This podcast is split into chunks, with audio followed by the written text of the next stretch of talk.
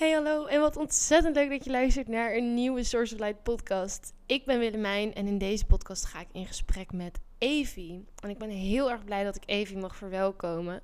En dit is een kleine reunie meteen, omdat ik bij het platform van Evie en Elise, Femina Co, uh, podcast host ben geweest. Dat heet de Femina Podcast en dat kan je allemaal vinden nog op Spotify.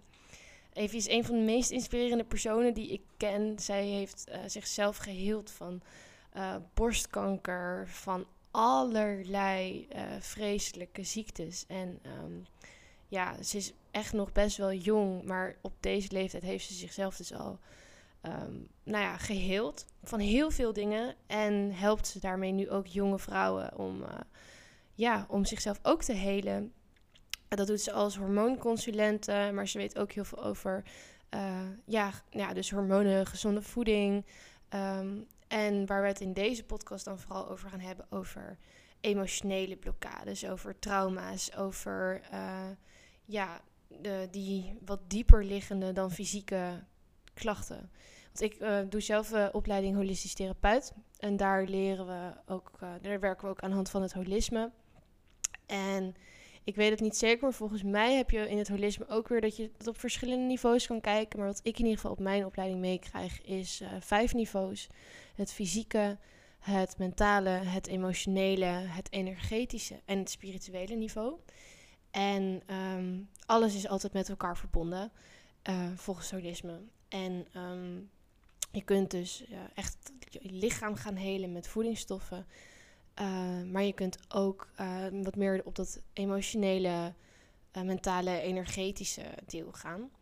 En um, ja, als je deze podcast al vaker hebt geluisterd, dan, weet je al een beetje hoe schaduwwerk werkt. En dat gaat natuurlijk over al die blokkades, die triggers, die lagere frequenties.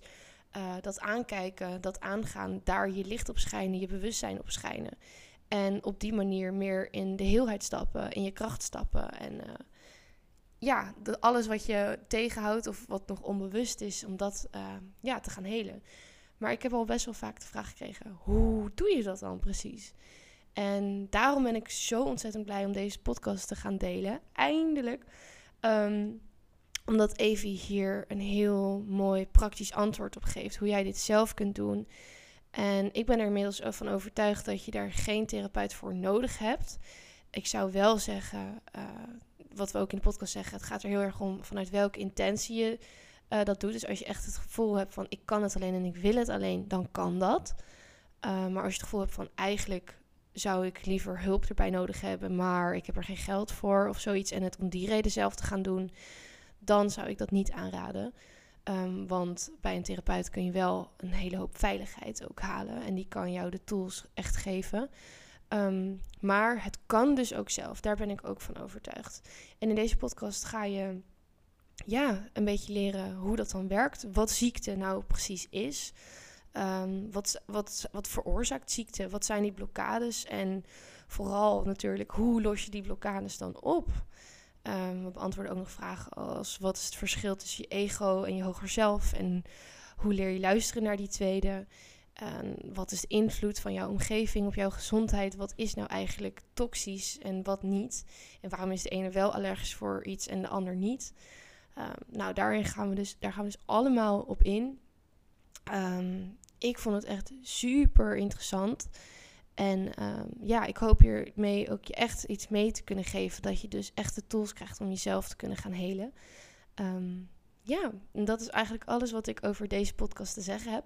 Behalve dat Evie en ik zo lang hebben gepraat uh, deze middag. Dat dit nog maar het eerste deel is. Um, en dit deel gaat dus specifiek over echt die blokkades. En nou, eigenlijk wat ik net allemaal zeg over ziekte en hoe je zelf kunt helen. En in het tweede deel gaan we meer in op uh, even ieder persoonlijke reis en uh, ja, andere thema's. Maar dat ga je dan in de tweede podcast wel horen. Ik wens in ieder geval heel veel plezier met het luisteren van deze podcast. laat me weten als je hem leuk vond. Dat vind ik altijd super leuk om te horen. Um, je kan tegenwoordig op Spotify kan je ook sterrenratings geven. Dus ik zou het ook heel erg leuk vinden als jij een rating achter wil laten.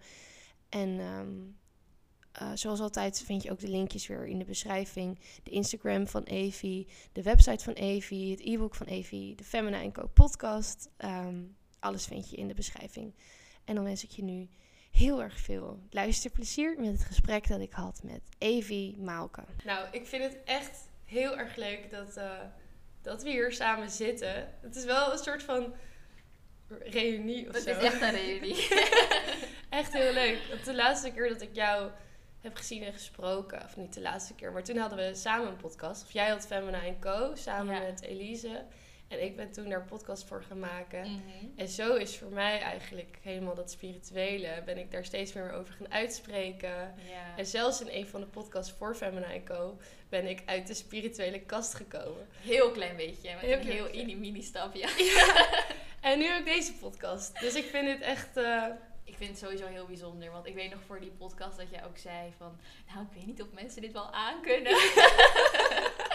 Ja. En nu zit je dus, gaan we deze podcast opnemen en die is echt 300 keer dieper. ja, Dus ja, ja. heel ik- snel gaan, echt een jaar denk ik.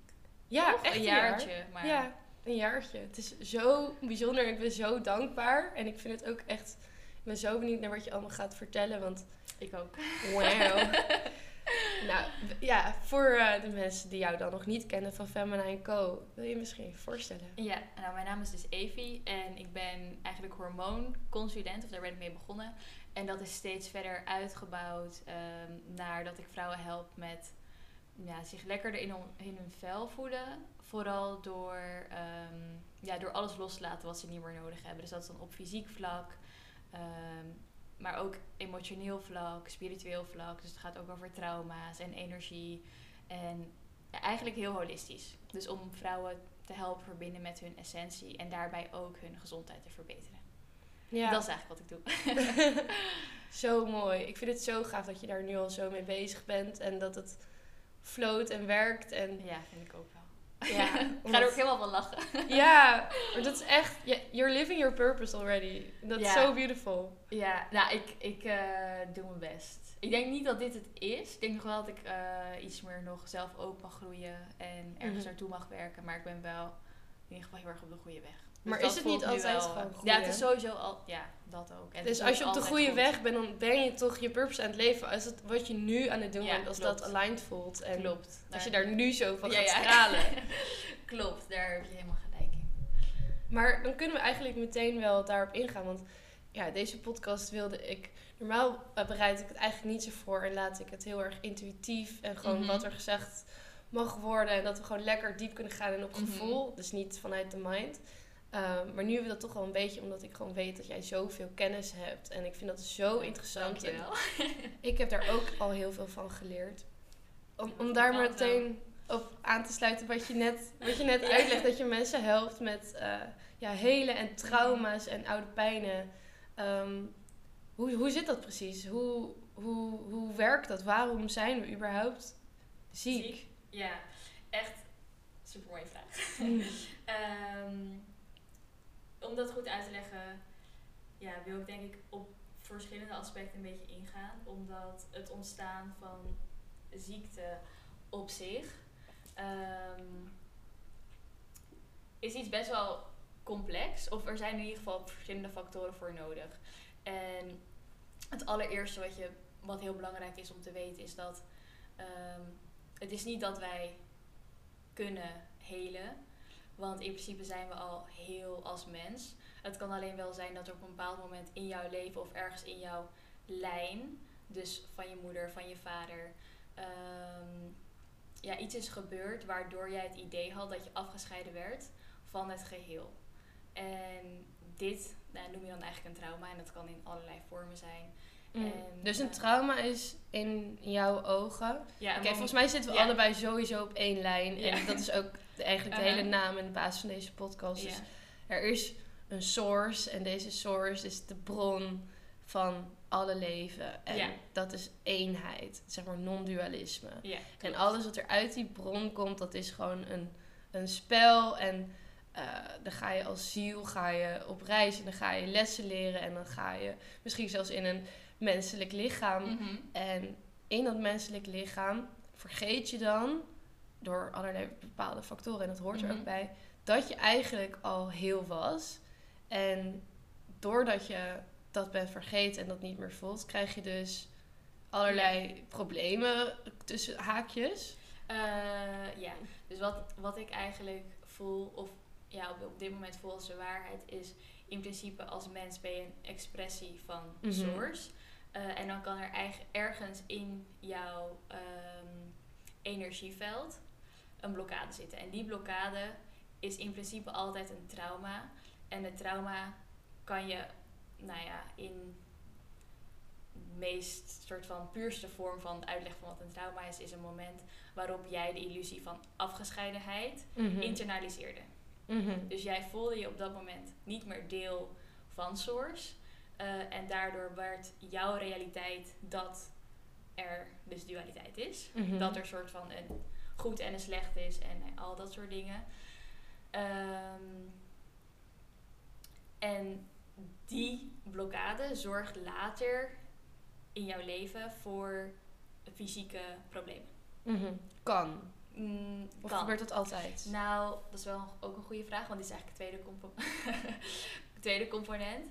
Ehm, dus wat je eigenlijk nodig hebt om ziek te worden, eh, is component 1, dus een blokkade in jouw energiesysteem veroorzaakt door iets uit het verleden. En dat kan dan in jouw verleden zijn, of in het verleden van je moeder, of in het verleden van je vader. Dus het kan Mhm. natuurlijk ook een genetisch eh, overgeërfd trauma zijn. Gewoon, jij draagt een bepaald stukje informatie bij je eigenlijk. Ja. Want dat, dat werd voor mij toen ook zo duidelijk. DNA is letterlijk informatie. Klopt. Ja. Dus je hebt DNA van je vader en je moeders kant. Dus Ja. daarom ma- maakt het ook zoveel Ja. sens dat, je dat, dat je die informatie gewoon meeneemt. En dat, ja, Ja, dus dat eh, is dan één component. Ja, of natuurlijk gewoon uit je eigen leven. Dat kan ook, dat Ja. jij eh, iets hebt meegemaakt. maar dat is ook een stukje informatie. Ja, is ook informatie.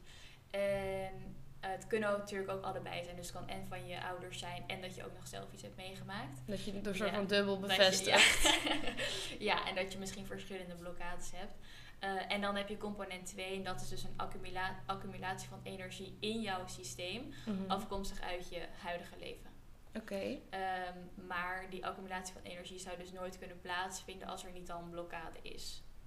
Oké. je? Dus die blokkade zorgt ervoor dat de energie die nu binnenkomt, eh, eigenlijk opstapelt. Als die blokkade er niet was geweest, Dan kan het gewoon blijven stromen. zou je in, ja, dus in principe maken dingen die op dit moment aanwezig zijn in jouw leven, dus bijvoorbeeld eh, straling van telefoons of vieze lucht die je inademt of je, nou ja, verontreinigd water, nou, misschien niet verontreinigd, maar vol met chemicaliën, wat je drinkt uit de kraan, Mhm. Eh, of het eten wat je eet. In principe maakt dat jou niet ziek. Het maakt je alleen ziek als er te veel van in jouw systeem ophoopt. En Mhm. die ophoping kan alleen plaatsvinden doordat het niet kan stromen. Dus dat komt door, door iets wat in het verleden is gebeurd. Oh, maar dat is zo mooi. Da daarom, maar, want ik, ik moet dan heel vaak denken aan. Ik heb hier ook vaak gesprekken over. Dus Mhm. ik vind het heel leuk dat het gesprek hier ineens Ja. over gaat. Want ik wilde hier al een tijdje antwoord op geven. Omdat mensen dat vaak aan mij vroegen. Mhm. Van, ja, maar oké, alles is frequentie, alles is energie. En eh, nou ja, manifestatie. Eh, dus waarom zal ik die vaccinatie niet gewoon nemen? Mhm. Want alles is toch energie? Dus ik, mijn frequentie overstijgt dat uiteindelijk. En toen was mijn respons daarop... Ja, maar die eh, monniken... Je hebt, je hebt natuurlijk van die monniken in. Nepal... En die kunnen ook gewoon gif drinken. Mhm. Omdat zij klopt. zo verlicht of zo... Of heel, heel hoog in die energie zitten. zijn. blokkadevrij Ja. zijn. Wat, wat ineens ook klikt, Ja. wat nieuwe informatie is. Dat dat gewoon kan blijven stromen. En op die manier zijn zij er baas over. Maar klopt. Wij, de meeste mensen, zijn nog niet blokkadevrij. Ja, hebben nog wat blokkades. Ja, en daardoor word je eigenlijk ziek. Maar het is eigenlijk, zeg maar, wat het voor mij dichtst bij de waarheid ligt, is dat beide componenten zijn neutraal. Dus de blokkade op zich is neutraal. Ehm, want in principe is dat ook maar gewoon een situatie wat jij dan nou ja, hebt meegemaakt. Of Mhm. iemand in jouw lijn heeft meegemaakt. Ehm, dan heb je het eten of maakt niet uit. Factoren in je levensstijl. Kan natuurlijk ook weer een toxische relatie zijn met gewoon een persoon. Dus kan ook eh, puur mentaal of emotioneel zijn. Is ook iets neutraals. Want wat is toxisch in jouw Ehm, ogen? Iets wat... ehm, dat is natuurlijk ook weer... Kijk, toxisch. Wacht. In principe bestaat het woord, bestaat toxine niet. Dus als je kijkt naar wat toxisch is voor het lichaam, Mhm. er is niet iets wat per definitie giftig is. Mhm. Het is alleen als er zoveel van in je systeem is dat je lichaam er op een bepaalde manier op reageert, dat jij er last van krijgt, dan Mhm. noemen wij het toxisch. Dus het hangt er heel erg van af hoe jouw lichaam reageert op nou ja, factor X. Ehm, of het giftig voor jou is of niet. Dus giftig is eigenlijk afhankelijk van degene die het inneemt. Ja. Ja, ja, ja. Daarom is voor die monniken die drinken dan gif, maar zij hebben er geen last van. Dus voor hun is het gewoon een sapje. Ja, ja, precies. Dus- want het haakt niet aan op dingen Ja. in hun lichaam. Omdat ze zo'n schone... ja, omdat zij op dat clean. moment eh, dat kunnen leren. Ja, ja. En dat vind ik eigenlijk ook van nou ja, toxische relatie. Je kan niet zeggen, oh iets is toxisch. Want het hangt ervan af wie het zeg maar opneemt. Of hoe Ja. jij erop reageert. Of iets voor jou toxisch is of niet. ja. Maar ja, het is best wel een genormaliseerde term. Ik dacht, dan weten mensen in ieder geval wat ik bedoel. Eh, maar in ieder geval een, relatie die niet per se eh, ja. voor jou op dit moment als beneficial voelt. Laat ik het dan even zo zeggen. Ja, ja, ja. Ehm, of die jou heel erg triggert. Of, Ja. en dan triggert op een manier waardoor je niet aan jezelf gaat werken, maar juist heel erg terugschiet Mhm. in, het, in de blokkade. Eh, dus al die factoren zijn ja, in principe dus ook neutraal. Ja. En dan is het de reactie van je lichaam op, zeg maar, dus de blokkade en eh, de accumulatie en de energie die binnenkomt, Mhm. wat ziekte is. Mhm. Dus dat doet zeg eigenlijk is de reactie in jouw lichaam. De eh, ziekte. Ja, de ziekte. Mhm. Maar je lichaam is niet ziek. Het, heeft, het geeft alleen een reactie op iets. Maar die dingen waar het op reageert zijn niet per se slecht. Nee, oké. Dus dat is ja, misschien wel belangrijk. Nou, niet misschien. Nou, dat is heel mooi. Want dat geeft jou weer een extra stukje weer ownership. Ja, klopt. Dus zodra jij dan jouw trauma's en jouw blokkades heelt, dan kan niks jou meer raken eigenlijk. Dus dan Nee, stap je weer een stukje verder uit die slachtofferrol. Ja, klopt. Het is er, er is ook sowieso geen... Eigenlijk bestaat er ook niet echt een soort van slachtofferrol. Want beide factoren zijn niet slecht. Dus het trauma is ook niet slecht. Snap je? Dus je bent in Ja. principe ook geen slachtoffer ervan. Je hebt het gewoon meegemaakt. Ja, Ja. ja. maar ik vind het, eh, ik merk tenminste dat ik dat heel fijn vind dat ik daarmee bezig ben of Ja. zo. Dat dat echt een thema is. Dat ik denk van, oh, zie je wel, Uh-huh. als ik mezelf heel, Ja, ja, dat, dat is Dan- sowieso waar. Da- dat bedoel ik daar dan Ja. eerder mee. Dus je bent... eh, ja, al die dingen die zijn er juist om jou weer in je kracht te zetten. En weer je te laten herinneren van... Ja. Oh, ik heb het allemaal in eigen hand. En Ja, klopt. je kan dus inderdaad jezelf helen. Ja. En je bent eigenlijk nergens van afhankelijk in, in de essentie. Je bent sowieso, je kan alles zelf helen. Alles, zeg maar, wat, waar jij last van hebt, daarvan heb je ook de sleutel tot heling. Maar hoe prachtig is het? Weet je hoeveel mensen dat nog niet weten? Ja, heel veel. Weet je hoeveel mensen horen dat ze kanker hebben... Ja. en dan gewoon denken dat ze doodgaan dus... Ja, ja dat is best wel erg. Ehm, ja, het is natuurlijk van alle kanten erg. Want wat jij zegt inderdaad met kanker, dus je hebt dan het conventionele systeem. Maar je hebt in principe ook het meer natuurlijke of quote unquote alternatieve systeem. Die ook beide... Ja, het is ook een economie, Mm. snap je? Dus Ook die alternatieve ja, geneeskunde. is ook, die mensen moeten ook, soort van, hun winkel moet ook draaien. Hmm. Ehm, dus ja, er wordt van best wel veel kanten, komt er heel veel marketing op je af. Die allemaal zeggen van, oh wij kunnen je helpen. Mhm. Terwijl in principe kan je het zelf. Hmm. Dat kan gewoon. Wil, je, wil je daar iets over delen? Want Eh. jij hebt daar zelf nog een journey in afgelegd. Nou, best wel lang hè. ja, daar, ehm, Waardoor jij nu natuurlijk ook nu bent waar je nu bent. Maar het was wel een journey. ja, dat klopt. Ehm, wil je horen? Eh, Wat wil je dus- vertellen? Ja, in principe kan ik alles vertellen. Ehm, maar ik denk, ja, ik heb dus borstkanker gehad. Eh, ik denk dat is het meest, wat mensen het meest heftig vinden. Maar ik heb ook nog heel veel andere dingen gehad. Darmklachten, haaruitval, heel tijd spierkrampen. Hele rare dingen, heel erge nachtmerries, angsten. Ehm, nou, ja, eigenlijk het hele scala aan gezondheidsproblemen is wel een beetje voorbij gekomen. En ook wel tot op een punt waarop ik echt niks meer kon. Best wel lang. Of nou, niet. Het punt was steeds zeg maar een paar maanden en dan knapte ik weer een beetje op en dan was ik weer terug en dan knapte ik weer een beetje op en dan viel ik een soort van weer, nou ja, je valt niet terug, maar was ik weer een soort van terug in de situatie, voor mijn gevoel. Ehm, uiteindelijk is het gelukkig allemaal goed gekomen. Die voel ik me weer heel goed. Ehm, Maar dat heb je dus gedaan door Ja. eigenlijk ik heb het wel het meest... jezelf te eh, helen. Ja, ik heb echt tot aan het einde ehm, eigenlijk alles zelf gedaan. Tot, Ongelooflijk. Ja. Ik Ja, vind dat Vind zo- ik ook best wel raar, soms als ik erover nadenk. Ja. maar ehm, ja, dat is gelukkig allemaal wel heel goed gegaan. En toen aan het einde heb ik nog twee, nee, drie EMDR-sessies gedaan. En toen had ik wel echt het gevoel, toen ik dat had gedaan, dat ik er echt helemaal vanaf was. Of dat ik in ieder geval, ja, dat ik er gewoon helemaal, zo voelde het. Mhm. Gewoon, nu is het echt die cirkel, zeg maar, afgerond. Wauw. Een nieuw cycle. ja.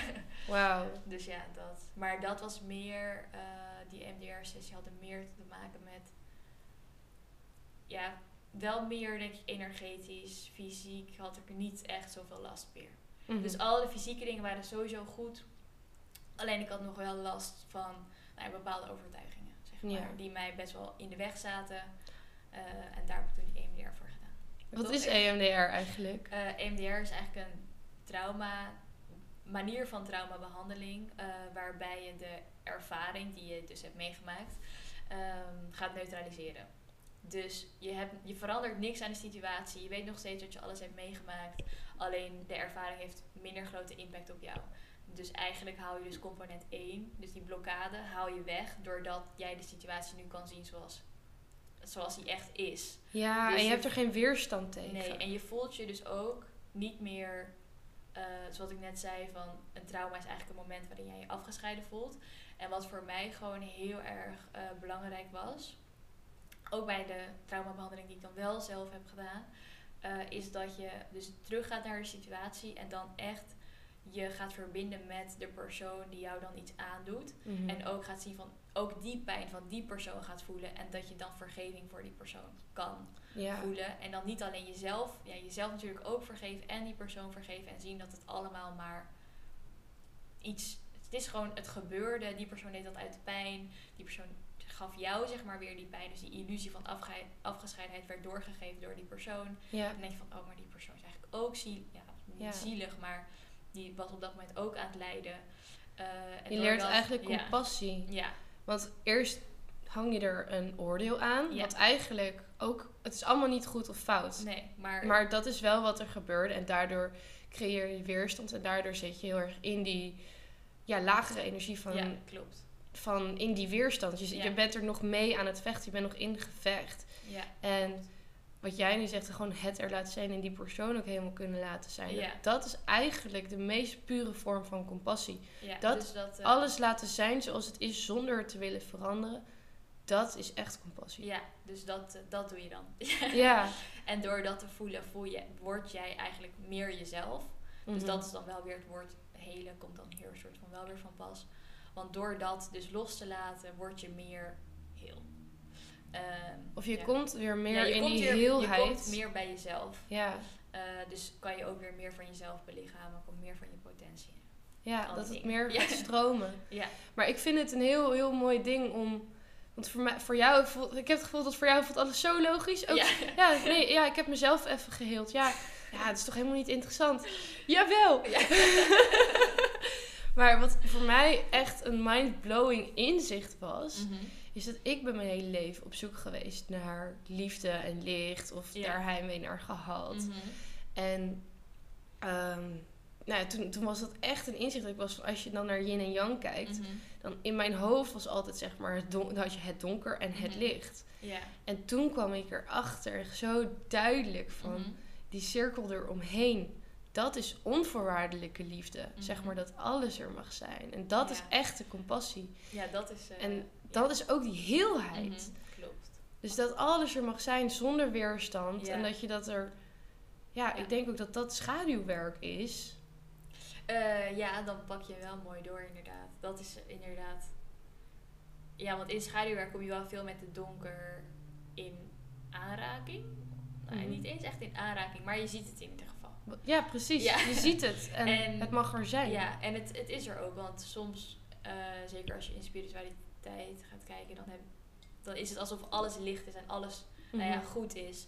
En het kan misschien ook zijn dat door wat ik net zei over die EMDR, ehm, dat het dan lijkt alsof er geen soort van donker bestaat, of dat er niet echt een fout is. Want in principe, op een aardsniveau is er natuurlijk wel goed en Mhm. niet goed. dus Ja. dan heb je wel licht en donker. Het Maar- onlicht, ja. zoals Christina van Drij dat zo mooi noemt. Ja, dus nou ja, het- inderdaad. Meer afgesneden van source, minder in de heelheid. Ja, klopt. Meer- dus dat, ja. dat is er inderdaad wel. Maar in principe is dat niet fout of zo. Ja, Het hoort je? bij het spel. Ja, het, hoort er ook, het mag er ook zijn. En daar hoef je ook geen weerstand tegen te voelen. Want het is inderdaad die weerstand. Waardoor je... Waar, je- wat je ziek maakt, ja. Ja, maar het is heel, heel logisch, want zodra je in die weerstand zit, dan verbind je je op dat niveau, zeg maar. Dan ga je op dat Ja, niveau ja, er dan- bijna tegen vechten. Klopt, dan blijf je inderdaad ook op die, die frequentie zitten. Ja, Want dan stem je er ook mee in. Dan denk je van, oké, dit is dus realiteit. ja Dan precies. ben jij ook, zeg maar, daar. Want anders, Ja. ja. Ja, ja. Dus eh, dat is, ja. Het is niet. Mm, het is wel makkelijk. Eigenlijk, als je het eenmaal doet, is het heel makkelijk. Maar soms kan het best wel wat stappen vergen, zeg maar. Om er te komen dat je dat ook echt voelt voor jezelf. Want het kan heel Wat bedoel je makkelijk. precies? Ehm, dat je het eh donk, of nou ja, het onlicht ook accepteert. En dat je niet, zeg maar, ermee instemt. Mhm. Dat je niet, zeg maar, dat als realiteit voor jezelf gaat stellen. Mhm. Snap wat ik bedoel? Ja, het zijn Want, eigenlijk ja. twee hele tegenover. Het is heel, het is heel tegenstrijdig ergens. Van, oké, het mag er zijn. ja. Maar, aan de andere er kant, ik accepteer niet dat het Ja. de waarheid is. Eh, ja. en ook weer wel. ja, zo klinkt het heel vaag natuurlijk. Dat kan ik me ook wel voorstellen. Want hoe doe je dat? Misschien kan je daar wat Ehm, meer in detail... Oké, nou, misschien eh, als we het gewoon even heel aards maken. Dus bijvoorbeeld mishandeling. Ja, Toch eigenlijk is dat een, een eh, expressie van onlicht. ja. Ehm, dus die expressie van onlicht is niet licht. ja. Ehm, maar tegelijkertijd is het ook niet iets waar je je nou, misschien op het moment zelf, maar zeker niet in, het, in de tijd daarna tegen moet verzetten. Mhm. Omdat als jij je er tegen verzet als individuele ziel met een eigen energiesysteem, dan blokkeer jij jouw energiesysteem. Dus je kan het zeg maar waarnemen, dus het accepteren en het daarmee niet, niet in jouw realiteit trekken in de zin van dat jij deel maakt van jouw energiesysteem. Mhm. Want dat is het zo duidelijk uitgelegd. Ik denk het wel. Ik snap je in ieder geval wel. Dus, eh, Ehm, maar het, mijn vraag is dan denk ik meer van hoe? Hoe doe je Hoe dat? doe je Hoe ga je daar dan... Zo, want er zijn Eh. ook natuurlijk dat je trauma's hebt dat je niet eens weet dat dat een trauma ja, dat was. had ik. Dat had ik heel erg. Eh, heb, je daar vraag over? Ja, ja, ik weet eigenlijk niet eens precies hoe dat zit. Dus, eh, Ehm, dat je bijvoorbeeld dat je geblokkeerd bent door iets wat je je niet kan herinneren. ja, want hoe, hoe begin dus je dan? je- Je hebt ergens last van. Ja. Dus dan gaan we eigenlijk eh, in op hoe je blokkades in jezelf kan herkennen. Ja. Ehm, heel belangrijk. Sowieso super belangrijk. nou, wat voor mij gewoon... Ten eerste Ja. niet onderdrukken met koffie en druk Ja, gaan leven en je telefoon en afleiding. Ja, dat is stap klopt. 1. Klopt. Ehm, en zelfs als je dat wel doet, eh, je hoeft niet helemaal een soort van clean te zijn voordat je gaan, kan gaan kijken naar je blokkades. Want het is gewoon belangrijk, of dat merk ik in ieder geval, eh, wat heel belangrijk is, is dat je aan de slag gaat met de blokkade die zich ook aandient. En ehm, dat is zowel in therapie als als je het alleen doet. Dus dat maakt in principe niet Mhm. uit. Ja, dat Eh, is voor mij en inderdaad goed dat je dat even benoemt. Want ik was helemaal dat ik dacht van oké, let's go, we gaan alles opruimen. ja. En toen was ik echt aan het graven en aan het graven. En dat was zo vermoeiend. En ik was zo... Maar dat hoeft helemaal niet. Het hoeft helemaal Nee, niet. nee. Het komt echt vanzelf. Je dus, kan gewoon echt je leven leven. En op het moment dat jij voelt van... Oké, hier zit iets. eh, En daar ga ik straks wel nog verder op in. Dan en je je voelt een intrinsieke behoefte. Of er komt gewoon iets op je pad. Ja, of, zo, ja. zo kan het zijn. En het kan ook gewoon... Je kan je ook heel erg gaan verbinden met je lichaam. Dus dat je voelt van... Oké, ik kan niet mijn benen in mijn nek leggen. Nu een split doen. En eh, snap je, al die Mhm. dingen kunnen niet. Dus ergens zit nog spanning in mijn lichaam. Fysieke lichaam. Mhm. Ehm, en dat vind ik best wel een makkelijke manier om ook in te gaan op zeg maar, wat je blokkade is. Want in principe manifesteert een blokkade zich altijd in je fysieke lichaam.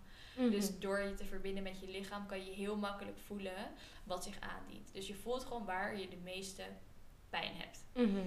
En eh, door je dus te verbinden met die specifieke plek. Mhm. En bij heel veel mensen is dat ergens. Iedereen heeft unieke blokkades, maar we hebben ook over het algemeen wel wat collectieve eh, ja, spanning waar we mee dealen. Dus heel veel mensen hebben last van hun heupen en hun schouders en hun nek.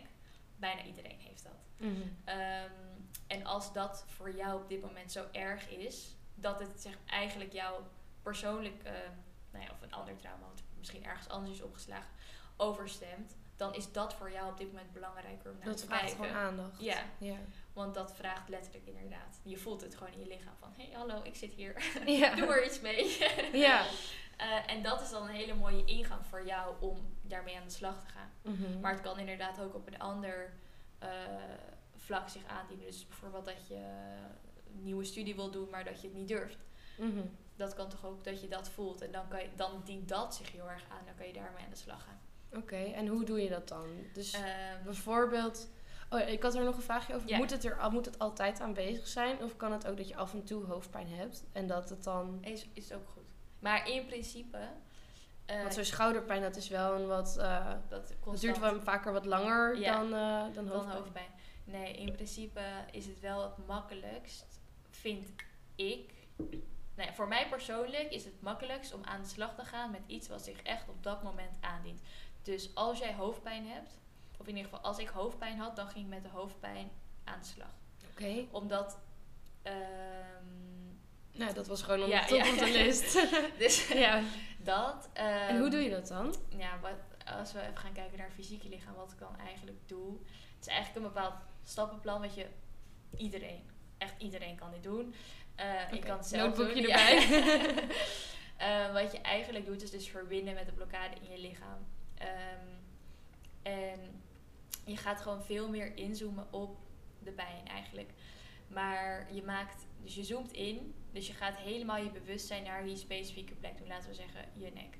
Ehm, dan ga je helemaal met je aandacht, zeg maar, naar binnen, naar je nek, wat daar zit, naar die pijn. Ga je voelen hoe die pijn, zeg maar, letterlijk in je lichaam zich manifesteert. Dus zit het ergens boven bij je hoofd, zit het bij je schouder, zit het vast aan je ruggengraat, of de spier bij je ruggengraat. Eh, hoe voelt dat? Ehm, en dan door je zeg maar steeds meer te verbinden met die plek, kan je ook de pijn van die plek letterlijk groter maken. Dus je voelt die pijn nu door je hele lichaam. En dan voel je zeg maar wat er onder die pijn zit. Dus is die de pijn is altijd een emotie. En dan kan je jezelf gaan vragen. Op een gegeven moment word je hier veel beter in. Maar je kan bij jezelf ook even nagaan van oké, is dit verdriet? Is dit angst? Is dit schuldgevoel? Is dit woede? Ehm, nou ja, al die dingen. Meestal zijn het een van de primaire emoties die daar dan zitten.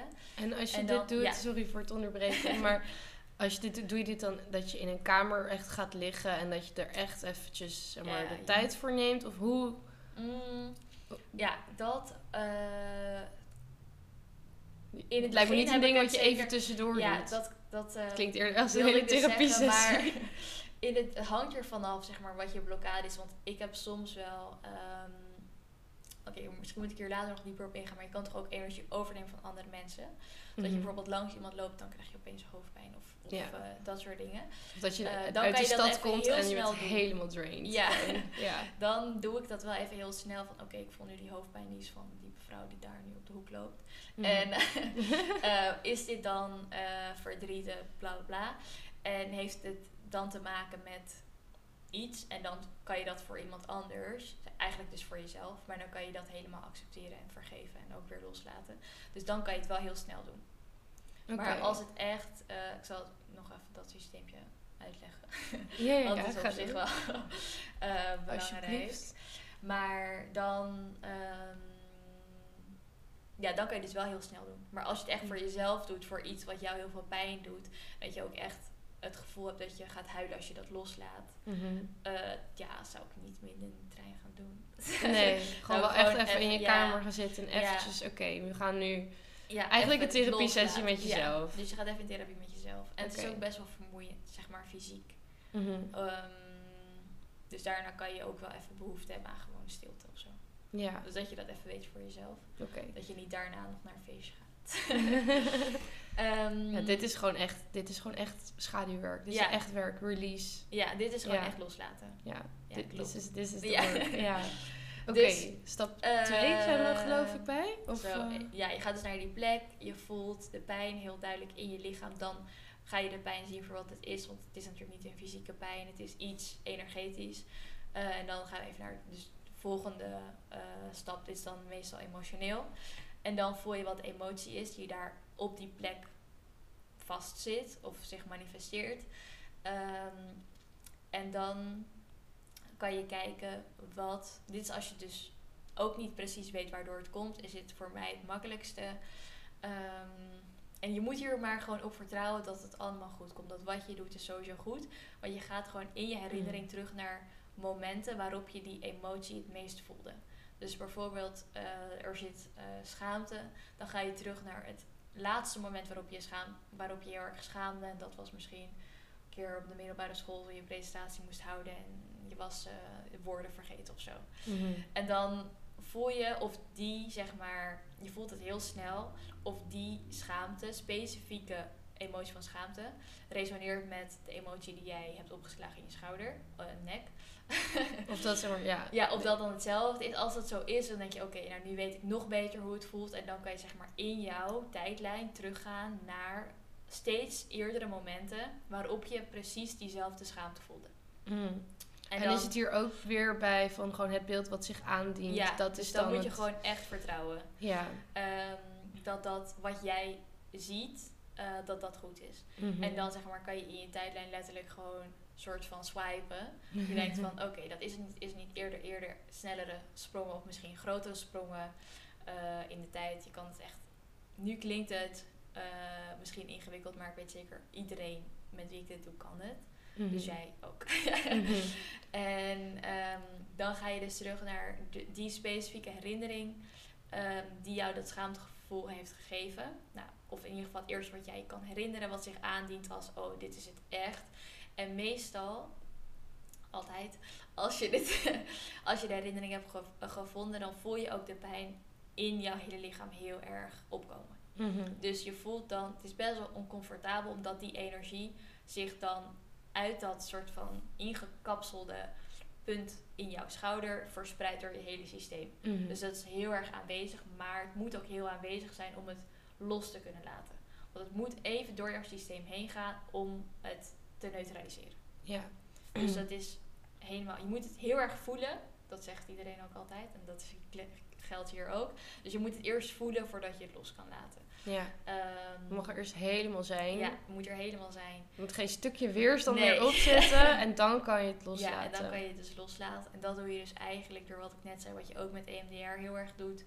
Ehm, dus door echt je heel erg te verbinden met de hele situatie. En dus eigenlijk de hele situatie in je op te nemen zonder er nou, het weerstand tegen te hebben. En de grootste vorm van compassie te hebben tegenover iedereen in dat spel. Ja. Eh, maakt niet uit, het hoeft helemaal niet een heftig trauma te zijn. Het kan ook zijn dat jouw moeder een keer zei van nee, je mag geen ijsje vandaag. Dat je toen Ja. dacht van, oh my god. of toen je twee was of zo, weet je. Dat kan ook gewoon.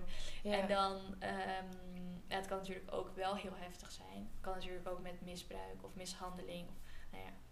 In dat soort gevallen Ja, zou je dan wel aanraden om naar een therapeut te gaan? ja, ik zou het zeker aanraden om dan wel naar een therapeut te gaan. Want die kan jou wel even Mhm. een soort van aan de hand nemen in jou. eh, want je beleeft het dan heel erg. En dan is het soms fijn als er iemand is die gewoon letterlijk zegt: nu doen we dit en nu doen we dat. Dus Ja. die kan even jouw hand vasthouden. Maar in principe kan je het ook alleen. Alleen soms is het fijner. Ja. Oké. Dus het is echt. eh, ik weet wel van. Ja, ik vond het heel fijn altijd in het begin. Eh, om het alleen te doen. Vond ik veel Mm. fijner. Ik dacht, niemand hoeft mijn hand vast te houden. Ik vind het fijner om, om het gewoon grappig. zelf te doen. Ehm, Ja, mijn moeder, die, eh, ik, ik herken dit, wat jij nu beschrijft, dat Mhm. herken ik ook van sessies die ik heb gehad. Het is een beetje, ja, het is een soort van hele mooie logische mix van regressietherapie en eh, energiemanagement. ja. En klopt. eigenlijk gewoon heel erg met je intuïtie, oké, wat speelt er, wat is Ja. het en laat het er zijn. Ja, dat is het it. enige. Je hoeft alleen maar iets te laten zijn, Mhm. dan is het weg. Maar mijn moeder die, die doet dat dus ook in haar Mhm. praktijk. En ehm, zij zegt altijd tegen mij: je kan sommige dingen niet alleen doen en je kan het niet alleen. Je hebt een coach nodig. En ik heb er altijd een beetje over getwijfeld. En nu jij dit zegt, denk ik van... Ja, ik denk dat je gelijk hebt. Dat je dat echt, je kan het echt zelf, maar het hoeft niet. Nee, het hoeft niet. Het is... Het, Als, het maakt, je mag het jezelf, je hoeft het in het leven niet alleen te doen. nee, klopt. Dat, dat is ook voor mij weer een valkuil. Ja. Dat ik elke keer denk van ja, ik ga het zelf doen.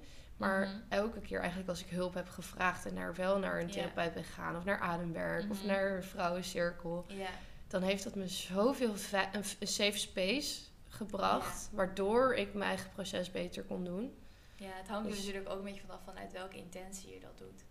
Want ik hoor jou nu best wel zeggen, ik wil het gewoon alleen doen, want ik kan het wel alleen. Mhm. En ik dacht, eh, of dan even betrekken nu voor ons allebei. En ik voelde gewoon heel erg van, ik wil dit heel graag alleen doen. Snap je? En later heb ik ook hulp gevraagd, vond ik ook heel fijn. Maar Ja. ik vind het ook heel fijn. Oké, dus dan- eigenlijk ook hier weer luisteren Ja. naar je intuïtie. Dus Waar- het is gewoon ja. echt wat jij voelt en wat zeg maar de motivatie is om of hulp te vragen. Want als je het gevoel hebt van ik heb hulp nodig, want ik kan het niet alleen. In principe moet je wel Dan- uiteindelijk jezelf helen. Dan doe je dat vanuit een plek van, Ja. van lek, zeg maar, vanuit een plek van gebrek. Dus dan is dat ook weer niet helemaal aligned met jou. Zo, als je het doet Eh, vanuit de plek van ik wil dit echt doen, intrinsiek, ja, dat is gewoon een heel groot Dus verschil je- inderdaad. Dus dat is, eh, dat is een beetje het verschil. En ik denk, welke keuze je ook maakt, is allebei goed. Ja. Als het maar voor jou op dat Ja. moment, ja, als het juiste voelt. ja. Ehm, ja, ik geloof dus niet dat je iemand nodig hebt. nee. Maar wel een belangrijke Ja. side note, want ik denk dat er ook heel veel mensen zullen zijn, zoals ik, die dan denken van, ja, en ik kan het allemaal wel zelf hoor. Ja, ja. ja, ja, sowieso. Jezelf heel goed. Maar dat, hoeft, dat is dan ook weer eh, een beetje weerstand op, eh, op hulp vragen. Precies. Ja, dus dan- Eigenlijk is het zoek die weerstand. Ja. dus dan zit je weer, eh, ja, het, het hangt er gewoon van af wat voor jou, dat, wat jij op dat Mm. moment nodig hebt. Ja. En wat voor jou echt voelt als, oh, dit gaat echt een relief geven. En dan moet je ook even eerlijk naar jezelf zijn. En je kan het ook allebei proberen. Weet je Ja. wel? En dan voelen wat voor jou het beste werkt. En het is ook niet dat altijd hetzelfde werkt. Want op een gegeven moment dacht ik wel van, oh, maar nu wil ik graag die EMDR-sessies doen. Want daar ben ik nu echt klaar voor. En dat voelt echt als, nu voelt het alsof dat het juiste is. Maar dat voelde eerder nooit zo. Mhm. Dus ja, het is ook, elke situatie is Ja. weer anders. Ook bij dus één persoon. Ja, ja, precies. Maar goed, dan heb, heb je het helemaal groot gemaakt Ja. in je lichaam. Ja, dan ga je dus heel erg die compassie voelen. En dan in principe, als je echt dat moment van vergeving hebt gevonden. eh, en iedereen doet het op een andere manier. Ik vind het soms fijn om dat echt met een soort van mijn compassie voor te stellen. Als een soort van lichtbal wat alles soort van omcirkelt. Eh, en dat daarin ook alle pijn van iedereen. Dus ook zeg maar jou, de, nou ja, de persoon die jou dus iets aandoet. Ehm, die is daar ook In in, jouw lichtbal. Mhm. in jou dus. Dus die pijn is ook in jou. Mhm. Eh, En maak je die persoon dan... ook licht? niet. Mm, Of... ja, dat, ik denk dat het heel erg afhangt van hoe je het zelf dan eh, visualiseert. En hoe je dat voelt. Maar in principe laat ik die persoon wel gewoon met, zijn, met zijn of haar pijn zijn. Mhm. En eigenlijk laat ik mijzelf ook met mijn pijn zijn. Maar wel geef ik wel heel veel liefde aan mij en die andere persoon. Dus ik hou van die persoons pijn. Snap je? Oké. Ja. Meer zo. Dus Oké, ja, ik heb dat dan echt wel vaker gedaan. Ook dat ik dat echt heb gevisualiseerd. Dat alles licht werd. ja, Echt ja dat ik terug natuurlijk ging, ook. terug ging naar trauma's. En dat ik dan alles en iedereen in die hele ruimte waar dat dan ook was. Helemaal licht, en goud en mooi. En ja, ja. dat kan klinkt... Dat, ik vind het zo grappig, want dit klinkt als je hierover praat. Het klinkt zo simpel. ja, maar het is Maar ook het best werkt. makkelijk. Het Ja. werkt, echt. Het, het werkt zo goed. Het werkt ook, want kijk, met bepaalde ziektes, bijvoorbeeld met die tumor op mijn borst, was best wel groot. Dus Mhm. dat ging best wel wat weken overheen voordat het weg was. Terwijl ik heb ook jarenlang een schouderblessure gehad. En nou, ik heb alles gedaan. Dry needling, eh, massages, chiropractie. Nou, gewoon de hele rehabilitatie heb ik allemaal gedaan. Mhm. nou, niks werkte. Ik had het echt, nou, ik denk wel vijf jaar had ik dat. En eh, toen, deed ik één, toen heb ik het eigenlijk uitgevonden met die schouderpijn dat dit voor mij werkte. Eh, en toen is dat in één sessie helemaal weggegaan. En ik voelde gewoon die pijn aan mijn schouder vloeien. En ja, daar had ik wel een hele slappe schouder. Zeg maar, want die spieren waren helemaal weg. Want ja, dat zat helemaal op slot de hele tijd. Oh jeetje. Eh, maar dat was in één keer weg. Wauw. Dus dan weet je wel echt dat het echt werkt. En had je dat toen zelf gedaan of Ja, bij iemand? Nee, ik had het zelf gedaan. Wauw. Het eh, kwam gewoon, het hitte me opeens. Dus ik dacht van, dat moet ik even gaan doen. Wat vet. Ja, ik herken dit van... ehm, nou, ik ben maar echt jij hebt volgens mij best wel veel therapievormen ook geprobeerd. Ja, ik, ik, kan me nu, ik kan me niet eens meer herinneren hoe dat allemaal is gegaan. Maar nou ja, ik had... Mijn moeder die was al heel vroeg heel spiritueel. En die dacht, zag al heel snel van... Oh, ik denk dat jij er wel baat bij hebt. En ik vond het ook allemaal super interessant. en ik was er ook echt, echt klaar voor. Ik smulde echt daarvan. Van Uh-huh. psychologie op mijn twaalfde Ja. al, weet je wel. Ja, ik ook. Ja. en ehm, ja, een sessie waar ik nu heel erg aan moet denken is... ehm toen heb ik eigenlijk dit ook gedaan. Van oké, en waar zit het dan in je Mhm. lichaam? En heeft het een kleur? En Oh ja, dat doe ik Eh, eigenlijk nooit. Maar ik kan ja, voor ook. Ja. voor sommige mensen werkt dat meer dan het gevoel. Of Mhm. dat, dat je er wat beter een beeld aan geeft. Want je, ja, je kan er ook een kleur aan geven als je niet precies het beeld kan inkleuren verder. Ehm, maar en toen heb, was ik, had ik een herinnering en, aan een een of ander meertje. En het was heel vaag. Ik denk dat Uh-huh. het van een vorig leven was. Kan ook, hè. Want in principe, je kan hierbij ook naar vorige levens gaan. Je moet gewoon accepteren wat opkomt en daar moet je gewoon mee werken. ja just, we'll just roll with it. In dit, in dit werkveld Uh-huh. eigenlijk moet je echt gewoon heel open-minded. En niet je mind ertussen laten, maar gewoon Ja. intuïtie volgen. Maar goed, toen zag ik dus een, een vijver en eh, een heel donker eng wezen erbij. En in die vijver was ook een soort van hele enge visachtig wezen. Gekke shit. Ja, het was echt, het ja, dat, dat was gewoon wat ik zag. Uh-huh. En er stond een, een, er was een meisje bij en die was heel erg aan het huilen. En dat, Mhm. dat was heel verdrietig. En Maar toen, dat zij was jij niet. eh, weet ik niet. Ik zag gewoon echt dat beeld. Oké. En ik was altijd heel bang vroeger. Mhm. Voor, eh, ja, ik was heel bang voor een bepaald figuur wat ik in mijn hoofd had. Wat ik dacht dat overal was. En ik was bang voor donker. En ik was Oh, bang voor Heftig. heksen en Uh-huh. poppen. En gewoon alles wat eng was. Uh-huh. En, maar echt op een zo'n diep level dat ik gewoon... Je kon er gewoon niet. Ik, mijn hele lichaam ging shaken als ja. ik maar ook maar in de buurt kwam van het spookhuis. Ik, Mhm. het was gewoon echt, ik blokkeerde. Mhm. En toen heb ik die sessie dus gedaan. En ik heb met die vrouw die zei van nou maak het maar helemaal licht en Mhm. mooi. En de zon komt op en alles Oh wordt ja. goud dan en ga je eigenlijk wel licht. het beeld en, veranderen. ja, wel Ja. het beeld veranderen. En ehm, dus waarschijnlijk werkt het dan Ja. ook op die manier, maar misschien ook op jouw manier. Ik weet ook dat, dit ken ik wel, iets andere manier, dan verander je inderdaad de herinnering. Dat kan, dat, ik weet dat daar een bepaalde therapievorm Ja. van is. Ja, ik vind het zelf, ik accepteer, voor mij werkt het gewoon om niks te veranderen. ik, ik geloof daar ook meer in Ja, maar als het op werkt, zich. werkt het. Toch? Ja, qua, qua theorie snap Uh-huh. omdat, omdat dat is gewoon pure compassie. Eh, in mijn ogen alles laten zijn zoals het is. Dat is onvoorwaardelijke liefde. Mhm. Eh, want het is natuurlijk nog steeds voorwaardelijk. Als, Ja. je mag er zijn als het helemaal licht Ja, is. klopt. Maar toen heb ik dat helemaal eh, licht gemaakt in mijn, in mijn gedachten. Uh-huh. En toen eh, liep ik... De, ik was gewoon niet meer bang. Ja, wauw. En dan denk je, wat heb je nou gedaan? Je hebt een plaatje in je hoofd licht gemaakt. Maar ik Ja. was daarna...